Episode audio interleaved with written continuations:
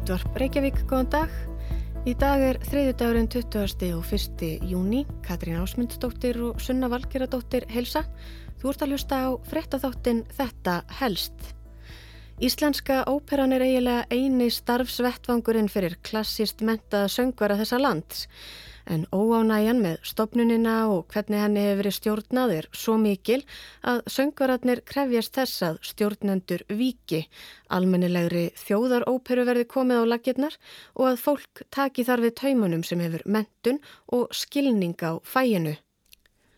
Söngvarar setja stórt spurningamerki við það hvernig hátt í miljardi króna af ríkisfje hefur verið varið undanfarin þrjú ár þar sem ekkert nýtt verk hefur verið sett á fjallinnar þrátt fyrir stórar fjárveitingar frá ríkinu. Sunna talaði við ósáttu óperusöngvarana. Það varð eiginlega allt vittlaust í óperuheiminum á Íslandi eftir viðtalið við stjórnarforman óperunar í þættinum okkar fyrir helgi. Þátturinn fjallaði um málaferðli Þóru Einarstóttur söngkonu gegn Íslenska óperunni þar sem hún stemdi stopnuninni fyrir vangoldin laun og greiðslur eftir tólkun sína á Súsönnu í óperunni Brúðköpi Fígarús eftir Mozart. Þóra tapaði málunu fyrir héræði en áfríaði til landsréttar og vann. Óperunni var gert að greiða Þóru rúmar 600.000 krónur og allan málskostnað tæpar þrjár miljónir. Korki Steinun Birna Ragnarstóttir óperustjóri nýja nokkur annar frá óperunni hafði tjáð sig um dómana að öðru leiti en því að senda frá sér yfirlýsingar. Steinun ætlaði reyndar að koma í viðtal til okkar fyrir helgi en hætti við eftir hún sagðist hafa hugsað málið. En Pétur Jóð Eiríksson, stjórnarformaður Íslensku óperunar, veitti þetta helst viðtal þar sem hann sagði meðal annars. Þetta var þetta slæntur óperuna, það er alltaf þannig þegar að, eh, skulu segja, stór aðili hinn að gæsa lappa er í ágreiningi við einstaklingin að uh, þá er samúðun alltaf með einstaklingnum. Klassís, fagfélag klassíst mentara söngvara á Íslandi hefur verið harðvort í garð óperunar. Eftir að síknudómurinn fjalli hér aði í janúari fyrra lísti félagið yfir vantrausti á stjórn og óperustjóra í Íslensku óperunar vegna ófagmannlegra stjórnunarhátta á undanförnum árum eins og það var orðað. Klassís fór líka fram á að stjórn óperunar og óperustjóri viki frá störfum og að mentamálar á þeirra skrúfi fyrir fjárveitingar til stofnunarinnar nái það ekki fram að ganga. Klassísku söngvararlandsins hafa einfallega verið mjög ósáttir við óperuna. Og um þetta sagði Pétur. Ég held að þessi gaggrinni sko, hún sé að koma bara úr annar átt. Úr hvaða átt þá? Já, ég held að það sé bara söngvarar sem er ekki að syngja fyrir Íslandsk óperuna.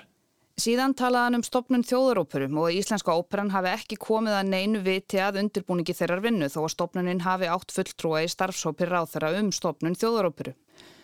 Stjórn Klassís send okkur punta fyrir gerð þessara setni þáttar þar sem segir að félagið telji 104 félaga og Íslensku óperunni beri sem atvinnur ekkanda í sviðslistum að virða og taka alvarlega álektanir fagfélags. Þá er þessum ummælum Péturs hér á undan vísað alfarið á bug. Viðtalið fór fyrir brjóstuð á mörgum óperusöngurum og fólki þeim tengdu ef markam á samfélagsmiðla og þau skilaboð, SMS og símtöl sem svo sem hér talar fjekk eftir að þátturum fór í loftið. Heyrum nokkur ummæli sem voru skrifið á samfélagsmiðlum. Það þarf líklegast ekki vittnana við að krafa klassís um að fólk sem þekkir ekki betur til og getur ekki dæmt betur til um störf óperustjóra eigi eftirvill að viki sem fyrst, sé með öllu réttlandanleg og gott væri ef fréttafólk kynnti sér aðeins betur málinn áður en svona þvælu er útvarpað án leiðrættinga.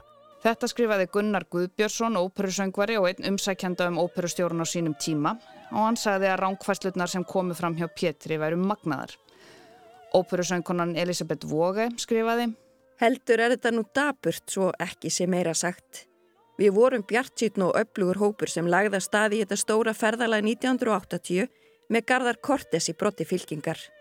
Hefði ekki ímynda mér nokkur tíman að svona er þið komið fyrir þessu óskabarni okkur söngvara í dag. Þetta ástand þarf að breytast og það strax. Burt með núverandi framkvæmdastjóru og stjórn. Sigriður Adalsteinsdóttir söngkona skrifaði Það er algjörlega ólíðandi hvernig talað er niður á söngvara sem brotið var á hjá I.O. Stjórnarformaður átti að sjá sóma sinn í að byggja söngvara afsökunar á þessum kjarasamningsbrotum sem eru því miður ekki einstæmi. Kanski mun stopnunin reyna að vanda sig framvegis og kynna sér lámarks taksta. Skelvelegt klúður hjá stjórnanda. Eirún Unnarsdóttir sem fór með hlutverk greifinjunar í brúðköpi Þíkarós skrifaði mjög harðorðan og langan status og hún er eins og fleiri óperusöngvarar mjög ósátt með yfirskrift þáttarins ósáttu óperusöngvararnir.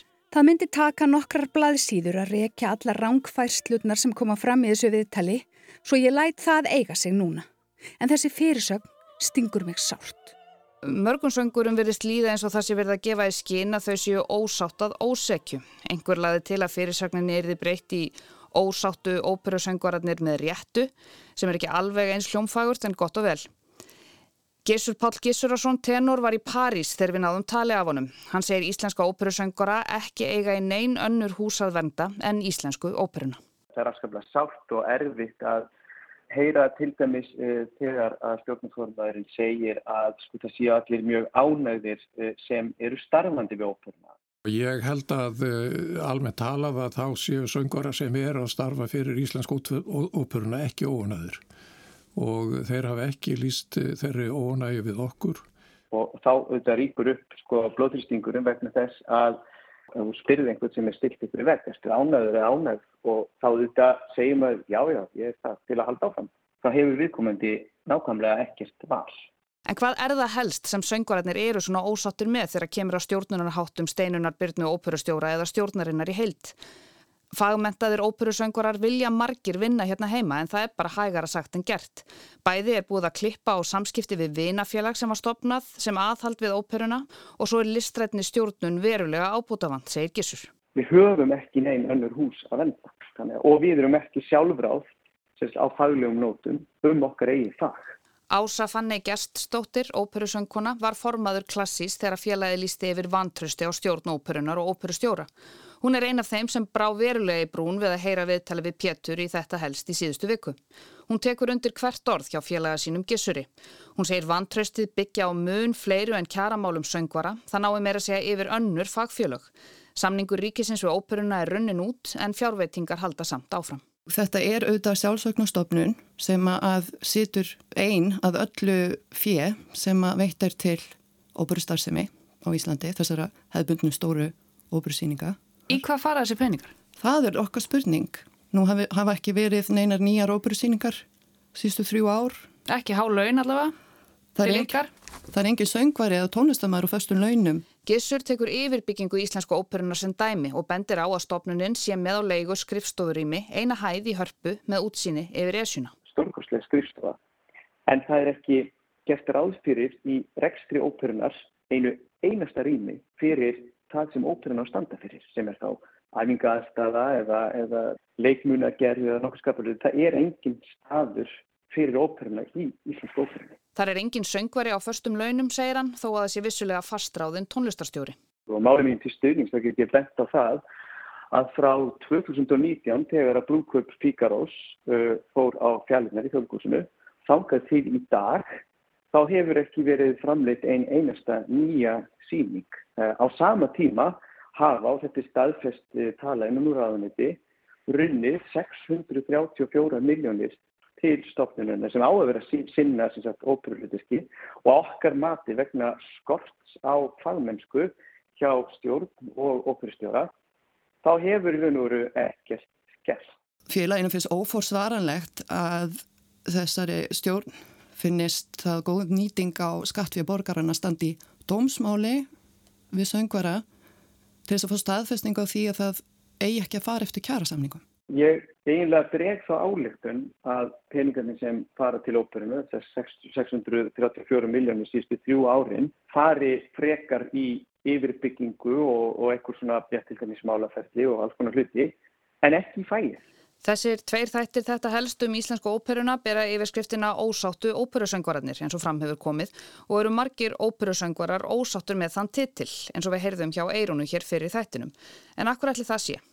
Óperusöngvarar eru vissulega ósáttir. Ég held að óanægjan með þennan titil skýrist að því að það talar inn í eða stið, verið stiðja við málflutning Pétus í þessum pisli að þess að málflutningurinn af hálfu söngvara byggist á því að þarna séum að ræða uh, söngvara sem að bara sé ekki nógu góðir til að komast að að syngja hjá Íslensku óperinni og, og hann svona smækkar smækkar félagið, hann smækkar smækt, sérna, gerir lítið úr þessu málflutningi og það er það sem að, að, að sko þessi stjættir er auðvitað ósátt við að það og gefið í skín að, að þetta sé personulegt og svo framvegs þegar að, að það er augljóslega réttlætanlegt í líðræðisríki að, að uh, félag getur komað framfæri gaggríni á stjórnendur stofnuna sem er ekki fyrir almannafíl. Það, það er stolti borlíkjandi að þetta er uh,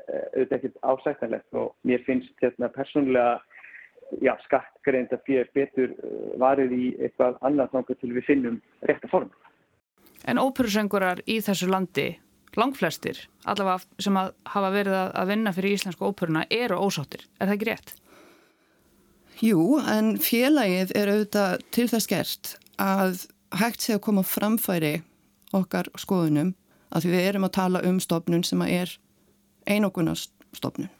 Þetta er eini staðurinn þar sem að, að, að uh, íslenskir söngurar eiga sko sens á að geta komið fram á Íslandi og við förum ekki, ætlust ekki til þess að förum fram á það að einstakar söngurar fórni sér fyrir málstæðin og neyti hlutverkum sem að þeim eru bóðið núna vegna þess að það getur verið eina tækifæri á ferlinum. Ef þú bara hugsaður út í það á þínum staðsvættongi eða hlustendur Hefur, ef, ef þér er því sagt uppstörfum er einhver annar staður á landinu þar sem getur fengið aftur vinnu eða það snýst þetta um einn og þann eina stað þar sem þú getur fengið vinnu. Og hvaða úrræði hefur þú? Ef að broti er á kjærasamningi eða er einhvers konar einelti smál eða annað sem að gaggrínu verðt hver getur þú leitað? Við höfum engin úrræði, við höfum engin líðræðisleg verkfæri, eðlileg verkfæri til þess að bregðast við málum sem koma upp. Í þjóðleikúsinu og í borgarleikúsinu eru leikarar að, og, og leikúsmentað fólk sem hefur unnið árum saman í þeim bransa. Það er fólki sem fengið til að stýra þeim apparatum. Hjá Sinfoníuljósund Íslands er, er framkvæmdastjóri Sinfoníuna, hún er fyrirleikari og hefur spilað í hljómsveitum og allt allir möguleg og unnið í þessu fægi og í á dansfloknum eru að samaskapi dansa þessi stjórna. Við viljum núna að það verði gerð faglegstjórn og að rekstraformið verði á þeim nótum, á sambarilegum nótum við fjóðlikús, við dansflokk og, og, og við hérna, sinfonljónsniðar vegna þess að það form er gagsæra og, og það er raun og veru bara fagleiri vektfangur. Með þessu fyrirkomulegi sem er í dag, þá getur stjórnin verið skipuð fólki sem hefur aldrei komið nálagt uh, óperurekstri og getur skipað sjálfsig í stjórn og skipar óperustjóra sem að skipar aftur á móti í stjórn í svona lokuðum ring. Þannig að krafan er stjórnin segir af sér, óperustjóru segir af sér ný þjóðar ópera ríkisins takkið til starfa til þess að skapa heilbrygt starfsumhverfi, heilbrygt og örugt starfsumhverfi fyrir söngvara þessa lands. Já, megin krafan er að þjóðarópera veri stopnið og það er mikill uh, vilji mm. að það gerist. Ég held að stjættin byrja þá voni brjósti að að minnstakosti þar til þjóðarópera verður stofnuð að þessi, þessi stjórnendur sem að deilur hafa staðið um axlega ábyrð og segja af sér. Við náðum kvorki í steinunni Byrnu óperustjóran Njö Pétur við gerð þessara setni þáttar um óperusöngvarana sem eru ekki ósáttir að ósekju svo við vitum ekki hvort það verði bröðist við þessum kröfum fagfólksins að þessu sinni. En við látum þessari umfyllun okkar um óperuheimin á Íslandi lokið. Takk fyrir að leggja við hlustir og við heyrumst aftur á morgun.